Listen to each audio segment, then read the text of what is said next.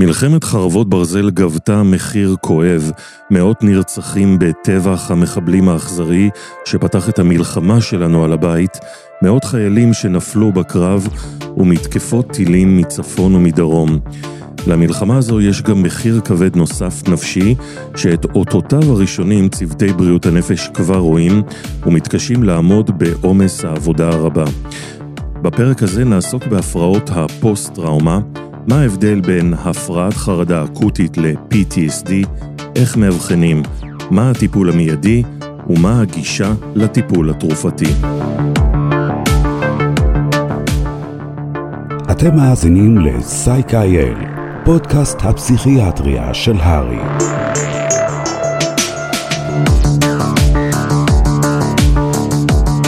שוב שלום לכם, כאמור הפרק שלנו הפעם עוסק בהפרעות שלאחר טראומה ואיתנו הפסיכיאטר הפרופסור ארד קודש, מנהל מערך בריאות הנפש שבקופת החולים מאוחדת ומרצה באוניברסיטת חיפה.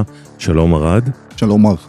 ימים אה, קשים עוברים על כולנו ויש לי המון שאלות אה, לשאול אותך, אבל לפני הכל, איך אתה מתמודד כפסיכיאטר שמטפל בפועל בהרבה נפגעי טראומה, גם מהלחימה ממש עכשיו? אני חושב שההתמודדות היא התמודדות בכמה רבדים, זה גם בהתמודדות המקצועית, אבל קודם כל יש את ההתמודדות האישית, האינדיבידואלית, לכל אחד אה, מכיר מעגלים של אנשים שנפגעו, שנפגעים, אנשים חטופים, האוכלוסייה כולה נמצאת ברמה של דריכות ומצוקה, ולכן גם אני כבן אדם אה, שמייצג את האוכלוסייה חווה חלק מהחוויות, וכמובן, בהיבט המקצועי, אז יש לנו כאן אה, משימה שהיא, הייתי אומר, משימה לאומית, אה, ולטפל במעגלים שונים של אנשים שנפגעו, אני מניח שאנחנו נרחיב על זה בהמשך. לוקחים הביתה חלק אה, מהמקרים? אפשר שלא, אנחנו ודאי שלוקחים הביתה. אני חושב שאחד המשימות, ואנחנו נדבר אחר כך באוכלוסיות שנמצאות בממשקים ישירים עם, עם, עם, עם האימה, עם ה...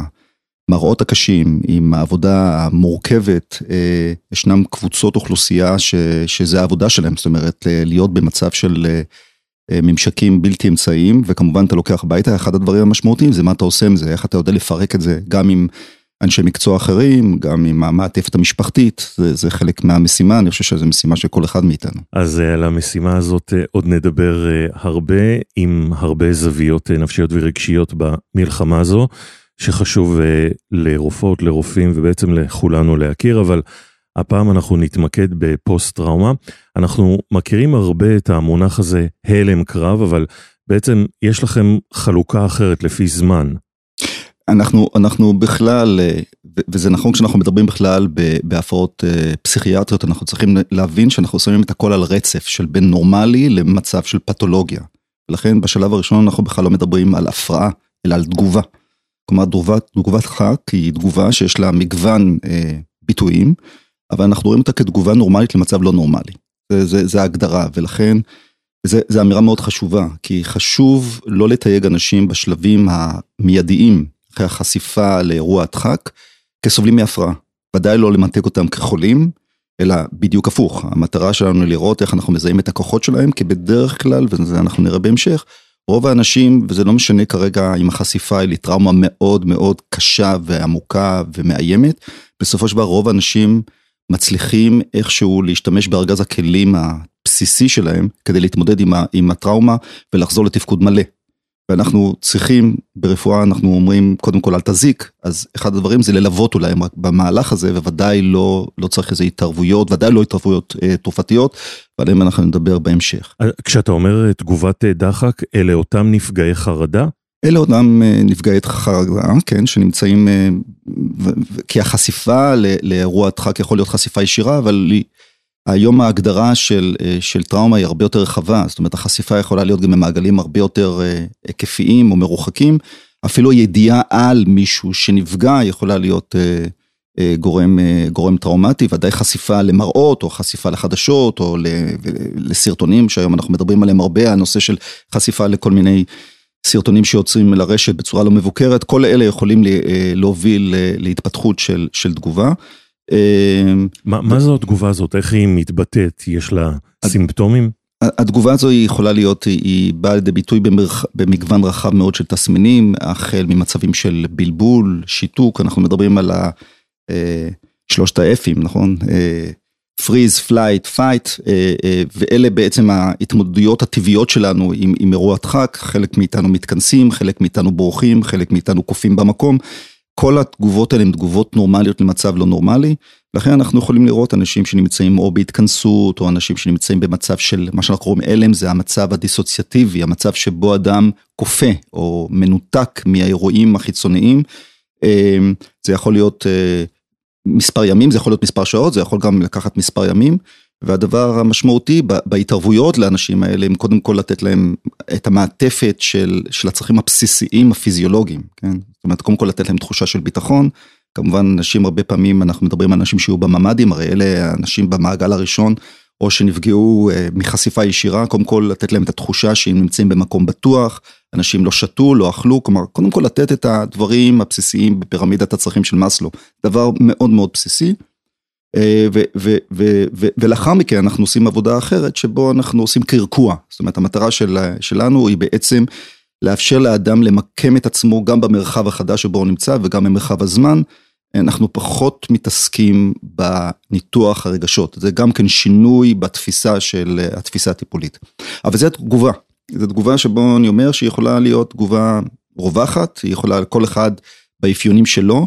כמה אה, זמן היא יכולה להימשך? היא יכולה להימשך ימים, אה, כאשר אנחנו מדברים על סדר גודל של חודש, כבר אנחנו מתחילים להיכנס למרחב שבו אנחנו מתחילים להגדיר את זה כהפרעת דחק חריפה, ASD, acute stress disorder, ואם אנחנו מדברים על מעבר לחודש, אנחנו נכנסים לתוך מרחב של PTSD. אבל, חשוב לי לציין, כי, כי יש איזו נטייה לראות את, ה, את האפיונים או את ההגדרות הפסיכיאטריות כהגדרות שהן קטגוריות, הן מאוד uh, clear cut.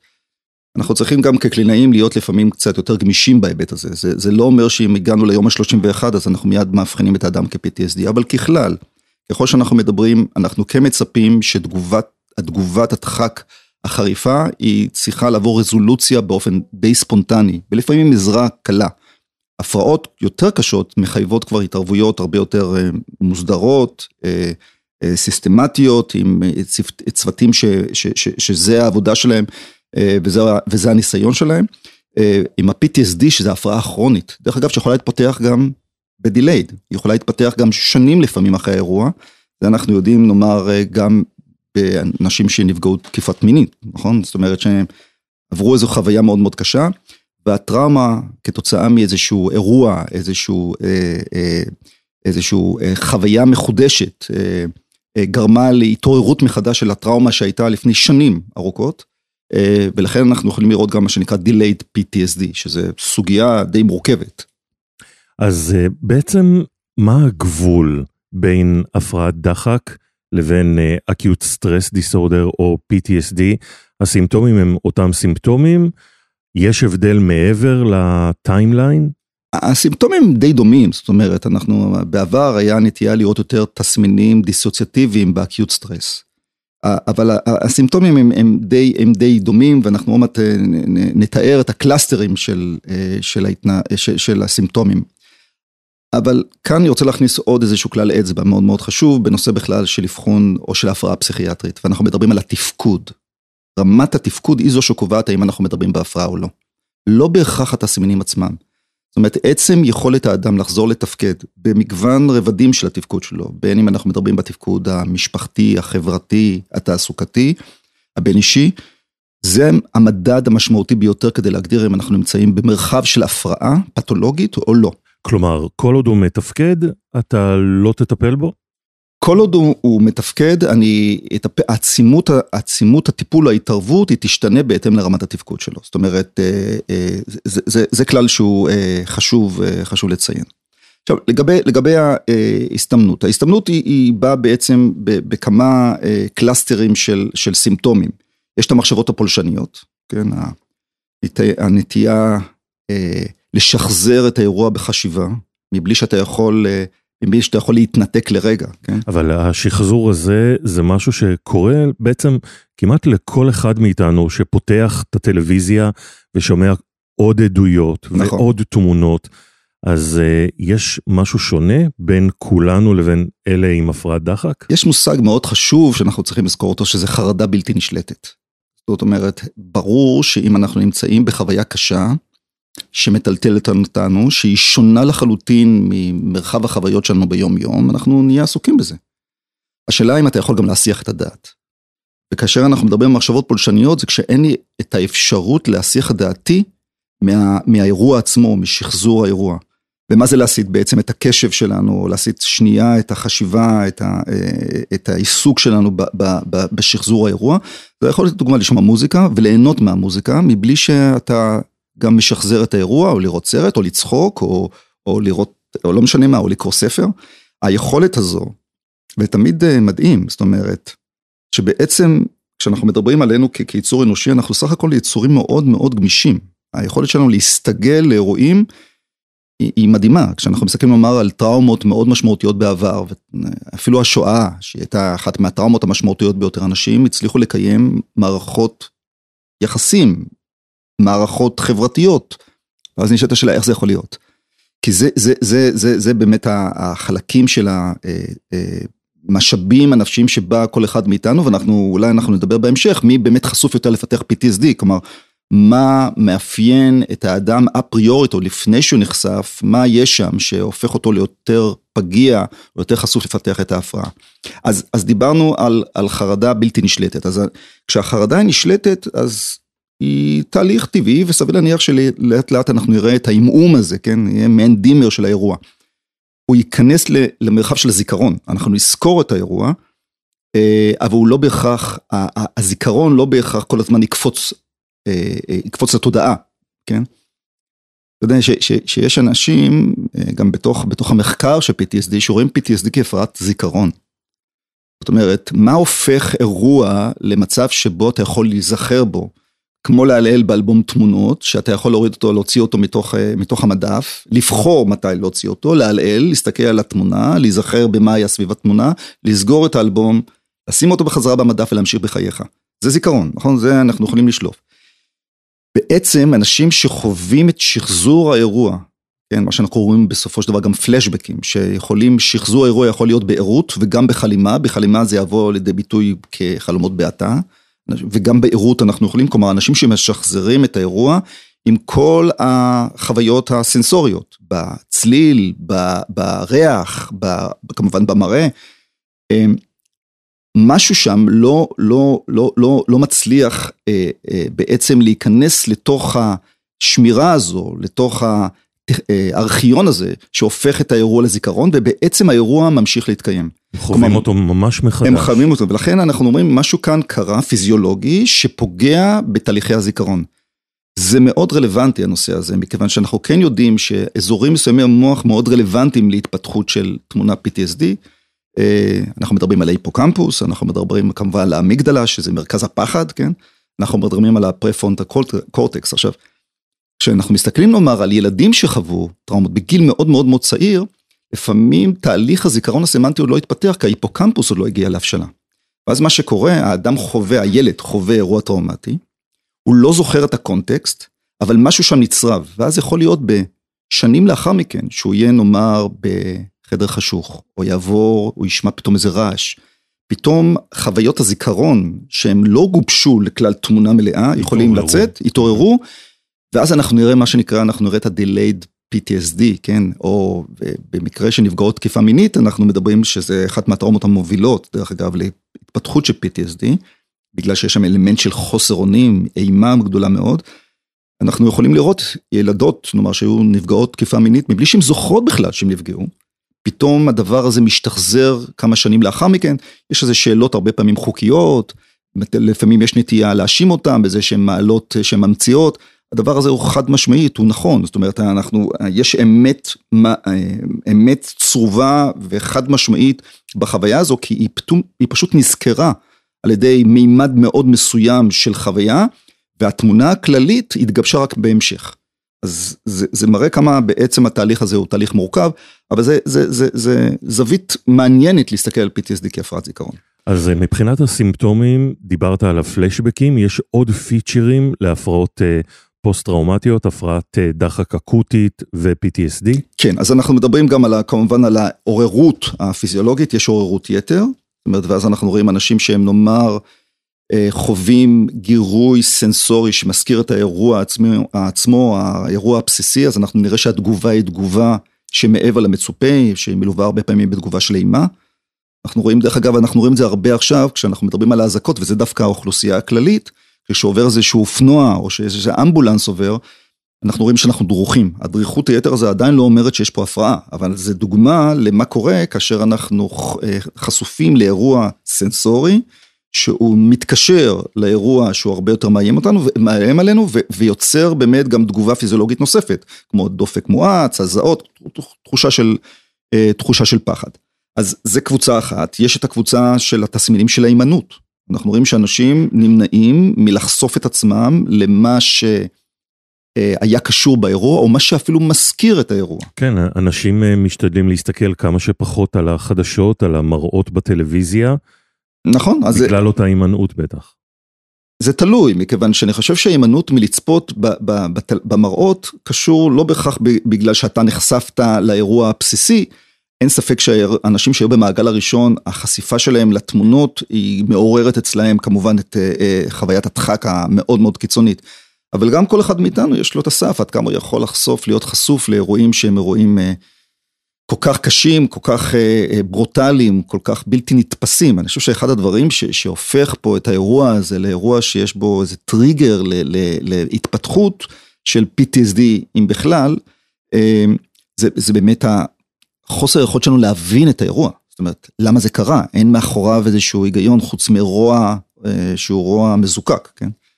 אז זה הקבוצה של, אה, של ההימנעות, כלומר גם הימנעות ממחשבות, או לעלות, לנסות ולא לחשוב על מה שקרה, או לא להרגיש את מה שקרה. אנחנו מדברים על קבוצה נוספת שזה המחשבות ה...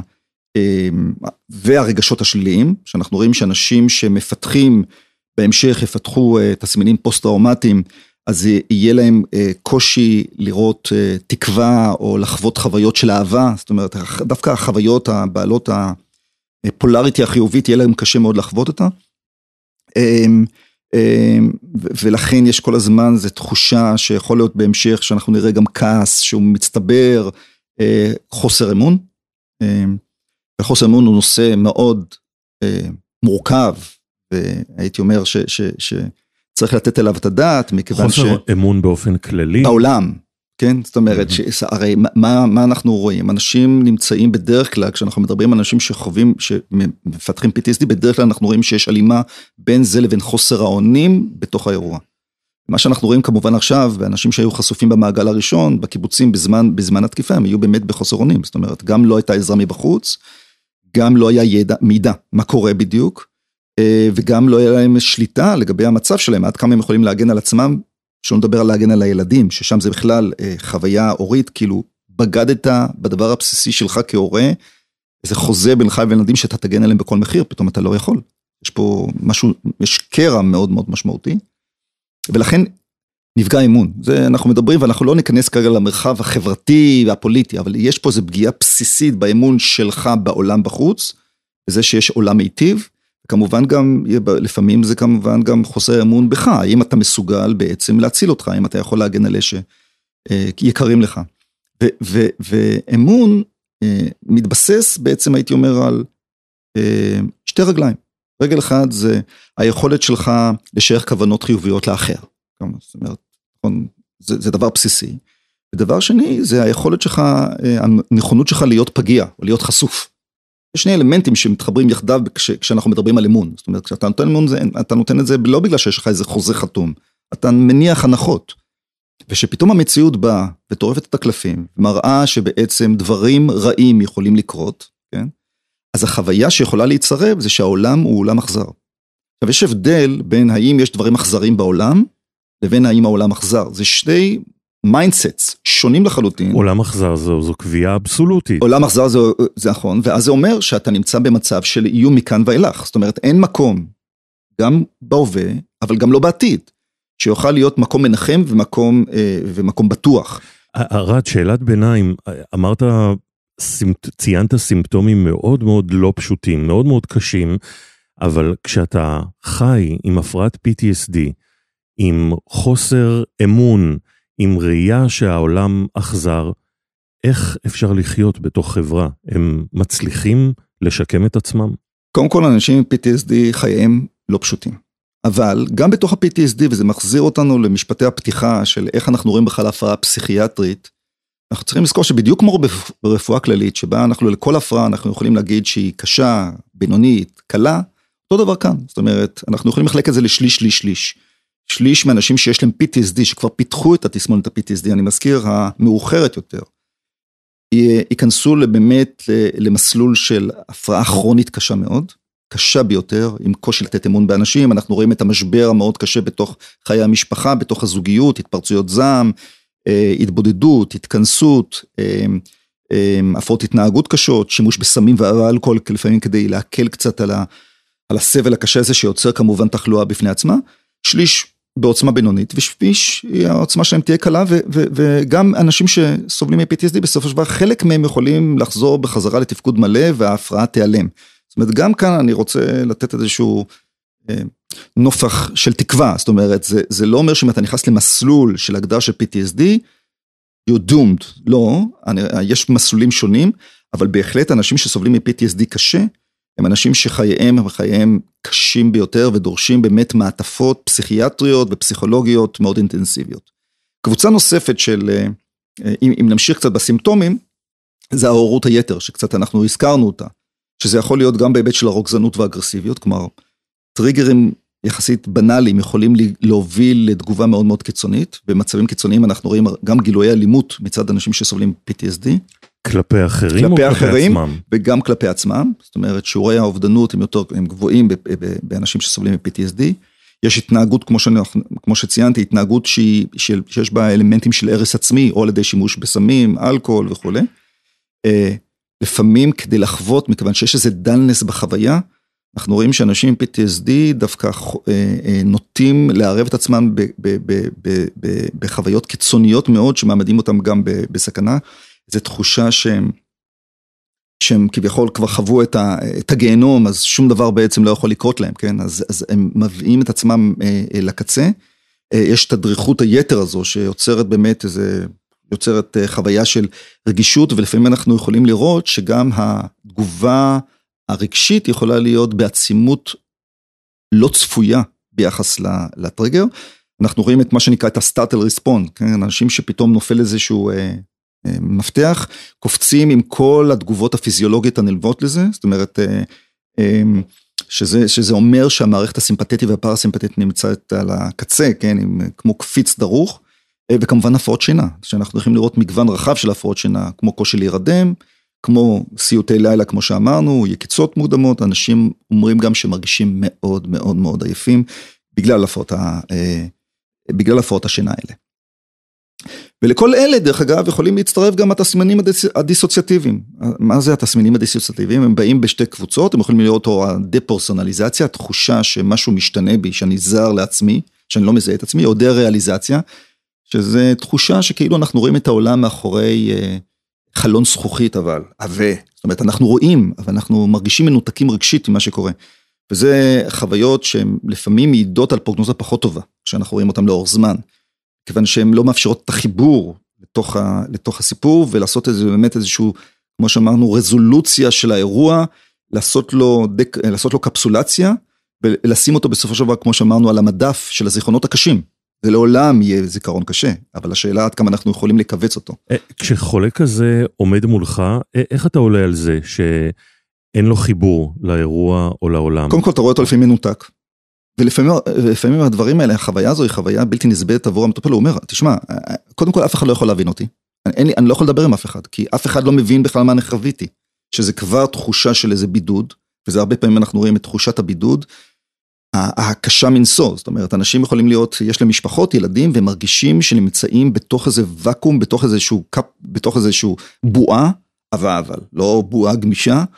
Uh, הילדים יכולים להסתובב והם מרגישים כאילו הם מנותקים לחלוטין. האפקט שלהם יהיה מושטח, האפקט יכול להיות, הוא יכול להיות מושטח, הוא יכול להיות רגזוני, הוא יכול להיות, אבל הוא, הוא, הוא ודאי אין בו, אפרופו הרגשות החיוביים, הוא לא משוייך, וגם אתה לא יכול לומר להסתכל על הילדים שלך שבדרך כלל גורמים לך, אם הם לא מעצבנים אותך, אה, לרוב הם גורמים לך תחושה חיובית, הם מיד יוצרים אצלך בלי שאתה בכלל שם לב, נכון? איזה אפקט חייכני, ונותנים לך איזה תחושה, אין היכולת הזו להרגיש את החוויות החיוביות, כמו שאמרתי, היא, היא נצרבה, היא לא קיימת, או היא נפגעה בצורה מהותית, ולכן הילדים רק מעצבנים, רק שומעים את הרעש, ודיברנו על רגישות לרעש, אז בעצם הילדים זה, זה הופך להיות איזושהי מכונה שמייצרת עבורם רעש.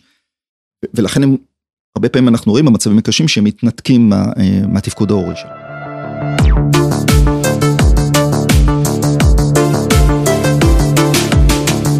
איך מטפלים ארד בהפרעות פוסט-טראומטיות? מה הגישה? ו- וגם פעם היו אומרים שבפוסט-טראומה צריך להחזיר אותם למקום האירוע כמה שיותר מהר, עד כמה זה נכון היום? קודם כל השתנו, אה, השתנו, המתודולוגיות הטיפוליות השתנו, אבל אה, אה, רוב העבודה אצל אנשים שהם סובלים או נפגעי טראומה, זה בעיקר העבודה הפסיכוסוציאלית. לצערי אין תרופות, אין תרופות שנמצאו יעילות אה, אה, בטיפול אני אני אסייג את עצמי, אבל בגדול אין תרופות שיכולות לשנות מהלך המחלה, זאת אומרת אין תרופות שיכולות למנוע מהתגובת הדחק להפוך לאקיוט סטרס דיסורדר או PTSD, אין, אנחנו לא מכירים עדיין.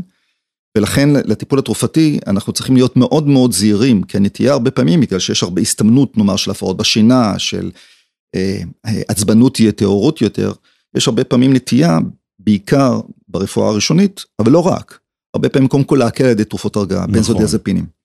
וההמלצה שלנו היא להימנע מזה, ודאי בימים הראשונים להימנע לחלוטין מהדבר הזה, גם אם האדם לא יישן. זאת אומרת, גם אם הוא לא יישן יום-יומיים, שום דבר לא יקרה. אה, אה, להפך, אנחנו דיברנו על דיסוציאציה, אנחנו חשוב לנו שהאדם ישמור על, ה, על, ה, על החוויה שלו, על האינטקסט החווייתי שלו, ולא יהיה מנותק. לכן אנחנו לא ממליצים להשתמש בבנזודיאזפינים במצבי קיצון שבהם נאמר אדם כבר לא ישן יום לילה שלישי או רביעי אנחנו כן מאפשרים לתת בנזודיאזפינים אבל למספר ימים. אחד, אחת הבעיות הקשות וזה כשאנחנו עושים עכשיו בדיקה גם בתוך קופת החולים זה שאנחנו הסתכלנו ורצינו לבדוק כמה אנשים התחילו תרופות בנזו, כמה מקבוצת הבנזודיאזפינים מאז השביעי באוקטובר שלא צרכו אותם לפני כן. אנחנו רואים עלייה של כמעט 300 אחוז. עכשיו זה בסדר להתחיל אני אמרתי גם כן בהסתייגות אבל גם חשוב מאוד להפסיק. והרבה פעמים מה שקורה זה שהרופאים נותנים נאמר מרשם, והמרשם הזה רץ חודש. אז uh, צריך לתת מרשם עם מספר ימים בודדים, כן? זה יכול להיות קלונקס, זה יכול להיות ווליום, אנחנו צריכים להימנע, להימנע מבנזודיאזפינים שזמן מחצית החיים שלהם היא קצרה, אלא עדיף דווקא לקחת את אלה שזמן מחצית החיים שלהם יותר ארוכה. זה גם כדי למנוע, גם כדי למנוע אה, התמכרות וגם כדי לאפשר השפעה שהיא קצת יותר ארוכה מבלי שאדם יצטרך אה, לחזור על אה, מספר הנטילות, אבל ככלל, כלל האצבע הוא להימנע ככל שניתן מבזל. אה, בהיבט הזה אתה מדבר גם על התרופות החדשות אה, לשינה מקבוצת ה-Z-Drugs, כמו גם שם, גם נוקטורנו, לגב... זודו. אותו דבר, גם שם אנחנו מעדיפים להימנע כרגע ולראות את הפרעת השינה בטח בשלבים האקוטיים. כתגובה נורמלית של הגוף. לא, לא, לא, לא, לא מיד צריך לקפוץ, זה גם מסר, זה גם מסר ל, אה, של תקווה מול המטופל. לבוא ולהגיד, מה שאתה חווה עכשיו, חוויה צפויה, נורמלית, חווית פשוט חוויה שהיא בלתי נסבלת, ו, ו, ולכן התגובה היא תגובה נורמלית, והיא, והיא תחלוף, ולרוב היא חולפת. שוב, גם אם מתחילים בנזודיאזפינים, אז אנחנו צריכים לקחת אותם מספר ימים, וגם מהניסיון האישי שלי וגם מהניסיון של, של הרבה חברים אה, למקצוע, קולגות, אנחנו רואים שאחרי כמה ימים של שימוש מושכל אה, ובכמות מועטה ככל שניתן, אנשים מפסיקים, כלומר מורים להם להפסיק, והם חוזרים לעצמם. שאלת ביניים, זה נכון גם למשפחות אה, שחוו שכול, אבל מאוד מאוד קשה, כאלה שהילדים שלהם היו במסיבה, אה, ונטבחו והלכו לעולמם ונרצחו, או שזה נכון רק לפוסט טראומה? שוב, אתה, אתה, אתה מעלה כאן סוגיה שחשוב להבהיר אותה. אה, פוסט טראומה יכולה להתפתח גם by proxy, זאת אומרת, לא רק בגלל שאתה חווית את חוויית האיום, אלא עצם זה שאתה יודע שאחד הקרובים שלך נמצא שם, אתה יכול לפתח את הפוסט טראומה.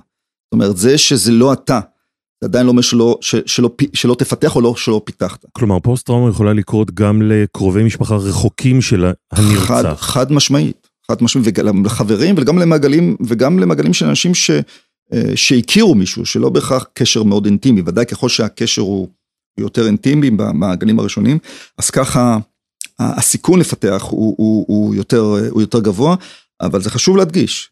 הנטייה הרבה פעמים היא לראות את הפוסט-טראומה רק לאנשים שהיו ממש באופן ישיר חוו את הטראומה הזאת. זה קצת, זה מתקשר קצת להיסטוריה, דרך אגב, של ה-PTSD, ולא דיברנו על ההיסטוריה, וההיסטוריה היא חשובה דווקא במקרה הזה, הרי המודעות, הרי PTSD לא, זה לא הפרעה שהומצאה, בתקופה האחרונה, היא פשוט לא, לא, לא זיהו אותה, או לא נתנו לה משקל. המקור של, של ה-PTSD, או בכלל של, של, של החקר או תודעה, זה במלחמת העולם הראשונה, קראו לזה של שוק. זאת אומרת, זה אנשים שחוו את ההלם של הפגזים, כן, בשוחות. ואז זה דווקא היה בקונטקסט שלילי, זאת אומרת, בקונטקסט של אנשים שהם הם מחלישים את הצבא, שאם האדם נושבר, הוא מחליש את הצבא, הוא חלש. וזו אמירה מאוד חשובה, עם הזמן כמובן, אחרי מלחמת וייטנאם, כשהדבר הזה קיבל יותר תעודה, וגם אז, זאת אומרת, במלחמת וייטנאם, האנשים שחזרו מהקרב על רקע, על רקע נפשי, או על רקע זה שהם פיתחו את התמונות האלה מהקרב, או, או בהמשך PTSD, נחשבו כאנשים שהם אנשים שהם פוגעים בחוזקה או בתפיסה החוזק של החברתית, החברתית. היום אנחנו נמצאים במקום אחר. וזה חשוב לבוא ולהגיד את זה, וזה חשוב לבוא ולהגיד גם לאנשים שאולי שומעים אותנו ונמנעים מלהגיע לטיפול. כן, התחושה הזו שאולי אני חלש, אולי איך זה יכול להיות שאחרי אנשים אחרים שהיו יחד איתי לא פיתחו תסמינים ואני כן מפתח תסמינים, מה לא בסדר אצלי? אז, אז אין לזה שום קשר לחולשה. זה קשור ל, ל, לבסיס, לתשתית הגנטית, הרגשית, הפיזיולוגית, שהיא מאפיינת כל אדם, שבה יש אי ספיקה. זאת אומרת, יש איזה אירוע חיצוני שאתגר את המערכות שלנו, המערכות שבדרך כלל יודעות להביא אותנו למצב של ויסות פנימי, אתגר אותו, יכול להיות שזה אתגור רגעי, זמני, וכן כדאי לפנות לטיפול. מה לגבי החזרה למקום האירוע? תראה, אנשים יחזרו לביתם, זאת אומרת, זה גם כן שאלה, זאת אומרת, יש אנשים שלא יחזרו לביתם, מהסיבה הזו, כי תחת כל אבן בעצם שוכן השכול, כן? דיברנו על שחזור, או הנטייה להימנע מדברים אצל אנשים שסובלים הפרעה, להימנע מדברים שמזכירים להם, זאת אומרת, איך אתה חוזר בחזרה לבית, לראות את הממ"ד המפוצץ, לראות את הבית המפויח, לראות את הבית של השכן שאיננו, זאת אומרת, זה, זה תהליך שאנחנו רק נמצאים בתחילתו. זאת אומרת, אנשים כרגע נמצאים, הרחיקו אותם מאזור האירוע, הם נשארו עם החוויות הפנימיות ונמצאים כרגע בבתי מלון, שזה סוגיה בפני עצמה, זאת אומרת, האם כרגע שהם נמצאים בתוך סביבה שהיא סביבה בטוחה פיזית, אבל אין להם את האינטימיות, האם, מה זה עושה, מה זה עושה הפליטות הזו לתוך התהליך. אבל אנשים יחזרו. וככל שאני מדבר עם אנשים, דווקא אנשים המבוגרים יותר, אלה שהם הדור המייסדים, להם אין ספק שהם יחזרו. כי יש להם, כי יש פה את הנרטיב, יש פה את הסיפור, שהוא התקווה, אם אנחנו מדברים על תרופה, התקווה היא התרופה הכי משמעותית. ולפעמים האדם אינו יכול למצוא את האור, וזה תפקיד המטפל. תפקיד המטפל הוא לעשות מעבר ל grounding, כלומר בעצם לזה שקודם כל להחזיר את האדם, לבסס אותו איפה אתה נמצא, מול מי אתה עומד, כן כל הזמן לשדר תקווה. אתה נמצא עכשיו במצב שהוא סוער, שהוא כואב, אמ, אבל הדשא יצמח, כן, אה, בהמשך. איך אתה משכנע אותם שיש תקווה? קודם כל לא משכנע, אין לי שום מטרה לשכנע. אני רק מציג את זה, אני רק אה, עושה מה שנקרא, אני עושה קצת זום אאוט, אה, כדי שיסתכלו על התמונה הרחבה. והניסיון הוא כן לראות, זאת אומרת, אנחנו רואים נאמר הורים לילדים, אז אנחנו כן משחקים ביחד, מחזירים לאט לאט את ההתנהלות הנורמטיבית, וזה כשלעצמו, ושהם רואים את הילד מחייך אל מול איזה טריגר שהם יצרו, או איזשהו, בתוך המשחק עצמו, אני חושב שזה מה שמשדר את התקווה. אנחנו לא משכנעים, התפקיד של המטפל הוא לא לשכנע. התפקיד של המטפל הוא להציג, להציב את האפשרות הזו. וכל אחד בזמן שלו, וצריך לזכור, זה, כל אדם הוא, יש לו את ההתנהלות המאוד אינדיבידואלית של הקצב, כמו החלמה של פצע. לאנשים שאיבדו משפחה שלמה, חצי משפחה, או אפילו אה, ילד, יש תקווה? הם יוכלו לצאת מזה? אותי אתה לא צריך לשאול, אתה צריך לשאול אותם. אתה יודע, זה, זה, זה, זה, תמיד, זה תמיד מעלה שאלה, עד כמה עוצמת המכה הקשה שאנחנו יכולים לחטוף, איך זה בכלל שאנחנו יכולים לחזור לאיזשהו מסלול של חיים. חייהם השתנו, בבלי הכר. פה אנחנו, אין, שום, אין לי שום מטרה כאן אה, לעגל פינות ולצבוע דברים בוורוד. חייהם השתנו, כאב ילווה אותם למהלך כל חיים, אבל עדיין, התקווה זה שהם יוכלו למרות הכל. ובזה אני אומר שהדשא כן יצליח אה, לצמוח גם על האדמה החרוכה. יצוצו דברים חדשים. מערכות יחסים, אה, חוויה חיובית בעבודה, היכולת אה, לרגע, בהתחלה זה מלווה הרבה פעמים באשמה, כן? זאת אומרת, איך אני יכול לחוות חוויה חיובית, לצחוק, כאשר קרה אסון כל כך גדול למשפחתי. זה תמיד מורכב, וזה קורה. זה קורה כי, כי ככה אנחנו. כי בני אדם הם ישות עם תעצומות נפש בלתי מוגבלות, אנחנו רק מודעים לזה כשאנחנו נמצאים במצב של סטרס, כן? אחד הדברים המהותיים זה להשתמש, להשתמש באירוע הזה, ש, ש... לנצל את ההזדמנות שנגבתה בדם רב, כדי להזכיר לעצמנו גם בשגרה את הטוב שיש לנו, כן? אה, זו משימה לא פשוטה, כן? אבל אני חושב, אבל לשאלתך, איך אנשים חוזרים? חלק חוזרים, חלק לא חוזרים ונשברים, הרוב חוזרים, הרוב חוזרים ומצליחים על ההריסות להקים משהו חדש. אמ, וזה, זה, זו התקווה המשמעותית. זאת אומרת שהחיים לא פוסקים, החיים ממשיכים. אה, וזה אתה רואה הרבה פעמים גם משפחות שחוות, זאת אומרת החיים שלנו ממשיכים. והרבה פעמים אתה מכניס את הנרטיב, אתה אומר שעצם זה שהחיים ממשיכים, זה ההנצחה הכי טובה ליקיר שלי שאיננו. זו ההנצחה, זה באמת, אם יש גל עד משמעותי חי, תוסס ודינמי, זה עצם זה שאני ממשיך לחיות. לצערי לא כולם מצליחים לעשות את זה. מיעוט לא מצליח לעשות את זה, הרוב מצליח לעשות את זה, וכאן התפקיד שלנו, התפקיד שלנו כאנשי טיפול, הוא רק ללוות, ללוות האנשים במסע האישי שלהם. לא להיכנס, לא להיות uh, מאוד מאוד אקטיביים בתוך הסיפור, uh, להיות אקטיביים בדברים מאוד מסוימים, כמו ללמד נשימות, כמו uh, uh, להיות אתה יודע, דווקא בשלבים האקוטיים, אה, המטפלים, הם, הם, הם צריכים להסיר מעצמם את התפיסה הדינמית, שהדברים קורים מעצמם, וכן להיות אקטיביים. אבל בהמשך, אנחנו צריכים לשחרר וללוות, ללוות, להיות בקשב, איפה האדם נמצא, באיזה שלב הוא נמצא, לא להאיץ, לעשות את ה pacing הנכון, ולהתאים את עצמנו לקצב שלו, יש כאלה שצריכים, שאנחנו צריכים להאיט את עצמנו כדי להתאים את עצמנו לקצב של ההחלמה של האחר. ויש מצבים שאנחנו צריכים להאיץ את עצמנו כדי להתאים לקצב של המהיר של האדם האחר. ארד, אה, דיברת על השלב האקוטי שהוא הכי קשה, כשבאה אליך משפחה או מטופל ואומרים לך, אין לי טעם לחיים, איבדתי את היקר מכל, אני פשוט לא רוצה לחיות יותר. איך אתה מתחיל? מה אתה אומר? קודם כל אני שומע, כמו שאמרתי, אני מאזין. אני לא, אני, אני לא, אני, אני ודאי לא נכנס לתוך אה, עמדה שיפוטית, וודאי אני לא מנסה מיד לחלץ אותו מתוך, מתוך, אה, מתוך הבריכה הזאת. לא, לא, אתה, אתה תחיה, אתה תסתדר, אתה חייב להיות אותנטי. כשאדם מספר ואומר, אני לא רואה איך אני ממשיך את חיי, אה, אני מאזין. אני לא בהכרח אה, שולף אותו מתוך ה... אבל אני אומר לו, אבל אני כאן. זאת אומרת, ואנחנו ניפגש מחר, מחרתיים, בעוד שבוע. אומרת, אני יוצר באמת, בעצם בתוך הקשר של המטפל-מטופל, אני יוצר איזשהו פסקול קוהרנטי, יציב, שלא אה, הושמד, לא הושמד לא על ידי החמאס, אני נמצא שם. והדבר הזה, מה שיקרה בסופו של דבר, זו התקווה, וזה חלק מתוך התפיסה הטיפולית, אה, יראה, יראה או יחווה, יאפשר לאדם לחוות מחדש איזושהי רציפות של החיים. עצם זה שיש עכשיו איזה אובייקט שזה אני כרגע, שצצתי משום מקום פתאום, אה, לצורך עזרה, ואני שם, ואני שם באופן קבוע, וזה מדגיש את, החב, את החשיבות של רציפות הטיפול, של הרציפות שלנו בתוך הטיפול, ושכשאתה בוחר, זה, אתה יודע, כשנכנסו אנשים לתוך המלונות, והציפו את המלונות בהתנדבויות מתוך רצון טוב, אחת הבעיות הקשות זה שלא היה רציפות. אתה נכנס, היום אתה נותן טיפול לזה, מחר...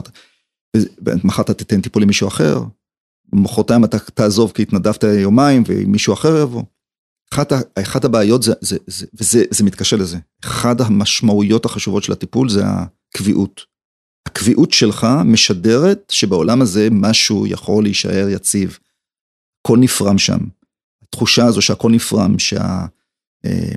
אה, השמלה הזו, הבגד הזה שתפרת במהלך חיים, שתפרת אותה, פתאום נפרמה לחלקים, ואיך אני, אני לוקח את, ה, את השברים האלה ו, ו, והופך אותם, והופך אותם למשהו שהוא חדש, אולי יש שם חוסר של כמה אלמנטים. אני, אני כמטפל, אני נמצא שם כדי להזכיר או להיות רפרנס ליציבות חיצונית. הרבה פעמים זה, זה, עושה, זה עושה את השינוי. מה לגבי uh, טיפולים תרופתיים? אמרת שאין מרפא ל-PTSD, אין מרפא תרופתי. מה בכל זאת, uh, במה אתם נעזרים? אין מרפא תרופתי, אבל ב-PTSD, מכיוון שאנחנו רואים כבר שיכולים להיווצר uh, uh, סימפטומים שבקצה שלהם יכולים גם סימפטומים פסיכוטיים. זאת אומרת, יש, יש איזה אנטיטי שהוא עדיין לא מבוסס של פסיכוטיק, סייקוטיק PTSD, של אנשים שהחוויה שלהם ששחזור האירוע הוא כל כך ויביד שהוא נחווה כהלוצינציה. אז יכולים להיות גם מצבים פסיכוטיים, יכולים להיות מצבים כמובן הם אנשים שסובלים PTSD, וזה עוד דבר שתמיד אני מזכיר בפסיכיאטריה, שיש איזו נטייה תמיד לראות שאם לאדם יש PTSD אז זהו זה, אז לא יכול להיות לו שום דבר אחר, אז אנשים שיש להם PTSD להפך הם יותר חשופים לפתח הפרעות כמו דיכאון וחרדה, ואפילו גם סכיזופרניה. זאת אומרת, וצריך אה, להיות קשוב לזה, זה לא, אה, זה, זה מרחב רחב של מחלות, ויכול להיות, ש, ולכ, ואנשים האלה חשופים יותר לפתח דיכאון וחרדה, וצריך לטפל בדיכאון וחרדה, כשמופיע דיכאון וחרדה, בטח בשלבים המאוחרים. אנחנו כן נוטים להשתמש הרבה פעמים בתרופות אנטי פסיכוטיות, בעיקר, אה, כמובן, אנחנו משתמשים בדור השני, בדור השלישי, בעיקר לאלה שיש להם גם אפקט שהוא אפקט הרגעתי. אה, שעוזר לפעמים, הרבה פעמים גם יכול לעזור בשינה. אם יש דיכאון, אנחנו מטפלים בתרופות נוגדות דיכאון, וגם שם אנחנו צריכים לתפור את התרופה על פי הסימפטומטולוגיה הדומיננטית. זאת אומרת, אם הסימפטומטולוגיה הדומיננטית בהמשך, לא בשלב החריף, בעיה נאמר של קושי להירדם, אז אני כן אתן תרופה נוגדת דיכאון שיש לה אפקט סדטיבי, כן, מירטזפין, מירו, מיאנסרין לדוגמה. תרופות כאלה שיש להם אפקט נוגד דיכאון וגם משרה שינה. במצבים מסוימים אנחנו צריכים גם כדי לשלוט באימפולסיביות או בחלקים התוקפניים, לפעמים אנחנו משתמשים גם ב mood stabilizers, טגרטול ודומיו, כדי לפעמים קצת להביא לידי ויסות של, של, אה, של התגובות, כי התגובות האלה הן נתפסות גם על ידי האדם, כי האדם מרגיש שהוא מגיב בשונה למישהו מכיר את עצמו. זאת אומרת, אנשים אומרים, אני, אני אף פעם לא הייתי אגרסיבי, אבל כשאני עומד בתור ומישהו אומר שם איזה מילה ואני מתפוצץ עליו, זה לא אני, זה, זה לא מתאים לי. זאת אומרת, האדם עצמו מרגיש שהחוויה או התגובה שלו היא קיצונית ביחס למה שהוא מכיר, והם בעצמם מבקשים את העזרה, ולפעמים אה, אה, אנחנו משתמשים בתרופות. לאחרונה יש יותר ויותר מחקרים בשימוש בסמים פסיכודליים, בשימוש ב-PTSD, כן, אנחנו מדברים על אה, שימוש גם בקטמין וגם באקסטזי, MDMA, אז גם שם אנחנו רואים מקרים, במקרים מאוד מאוד מסוימים, קשים, שאינם מגיבים לטיפול. אנחנו, אה, יש מחקרים שמצביעים אה, מצביעים על אה, שיפור משמעותי, כמובן זה צריך להיעשות ב setting מאוד מאוד ברור, עדיין אין פרוטוקולים מובנים חד משמעיים איך אתה עושה את הטיפול הזה מבחינת continuous, כלומר באופן, באופן סדור, סדור לאורך זמן, אבל יש עבודות שמצביעות על, על השפעה מיטיבה של, של הסמים הפסיכודליים, כמו שאמרתי, אה, על PTSD, ישנם שאלות לגבי אה, חשיפה לסמים פסיכודליים בזמן, בזמן הטראומה. כן, יש שאלה עכשיו סביב אנשים ש, שהיו במסיבה, שהיו במצבים של חלקם היו דלוקים, האם זה חושף אותם יותר או פחות להתפתחות של PTSD? שאלה מצוינת. אה, לרוב אנחנו טוענים שדווקא ש... להיות תחת השפעה של סמים דווקא יכול לנבא פרוגנוזה פחות טובה. צריך יהיה לשים, אה, לשים אצבע על הדופק בהיבט הזה ולראות באמת אה, אה, איך אנשים מגיבים, זאת אומרת, אני, אני מכיר אנשים ש, שבהתחלה שהטילים התחילו לפרוח באוויר וזה בכמויות, הם ראו את זה כאיזה חוויה אקסטטית, ורק אחר כך, ולכן גם לא יכלו להגן על עצמם בצורה, בצורה, בצורה אידיאלית. מצד שני, דווקא יש טוענים שזה דווקא הגן עליהם, כי הם לא היו בקשר אה, או בחוויה ישירה עם הסטרס. זו תהיה שאלה חשובה לבדוק אותה גם מחקרית בהמשך, מה קרה, אה, מה קרה עם האנשים האלה לאורך זמן. אה, אנחנו מתקרבים לסיום הפרק, איך נסכם? אנחנו נעבור את זה? אין לי ספק שאנחנו נעבור את זה. השאלה אם לא נעבור את זה, אלא השאלה איך נעבור את זה. רובנו, רובנו ורוב האנשים שנפגעו, ישקמו את חייהם. ישקמו את חייהם, זה נראה כרגע בלתי אפשרי לפעמים. אבל הם ישקמו את חייהם כי אנחנו, אה, כי אנחנו בני אדם עם, עם, עם יכולות, עם, עם, עם משאבים, אה, אנחנו נצטרך עזרה כחברה, כדי שנוכל לחזור אה, ולשקם את האמון שלנו בעצמנו, את האמון שלנו במערכים השונים, אבל אני כאופטימיסט בא ואומר שיש פה הזדמנות מדהימה, טרגית, קשה, שהייתי מעדיף שהיא תיחסך מאיתנו, אה, למשהו טוב יותר. אה, ואני רוצה להזכיר עוד פעם, כל האנשים שחווים את החוויה הזו, א', כמובן, לא להסס ולפנות לעזרה. רובם המוחלט יחזרו לתפקד. זה מסר שחשוב אה, אולי לסיים את הפגישה שלנו להיום. בנימה כל כך אופטימית אה, הזו, שאני מייחל לה מאוד באופן אישי, הגענו לסיום הפרק. תודה רבה רבה לך, פרופסור ארד קודש, על הדברים המרתקים והחשובים שלך. תודה לכם, המאזינות והמאזינים שהייתם איתנו. אתם אה, מוזמנים לפרקים הנוספים שלנו על ההתמודדות במלחמה, ובינתיים, שמרו על עצמכם, יחד ננצח.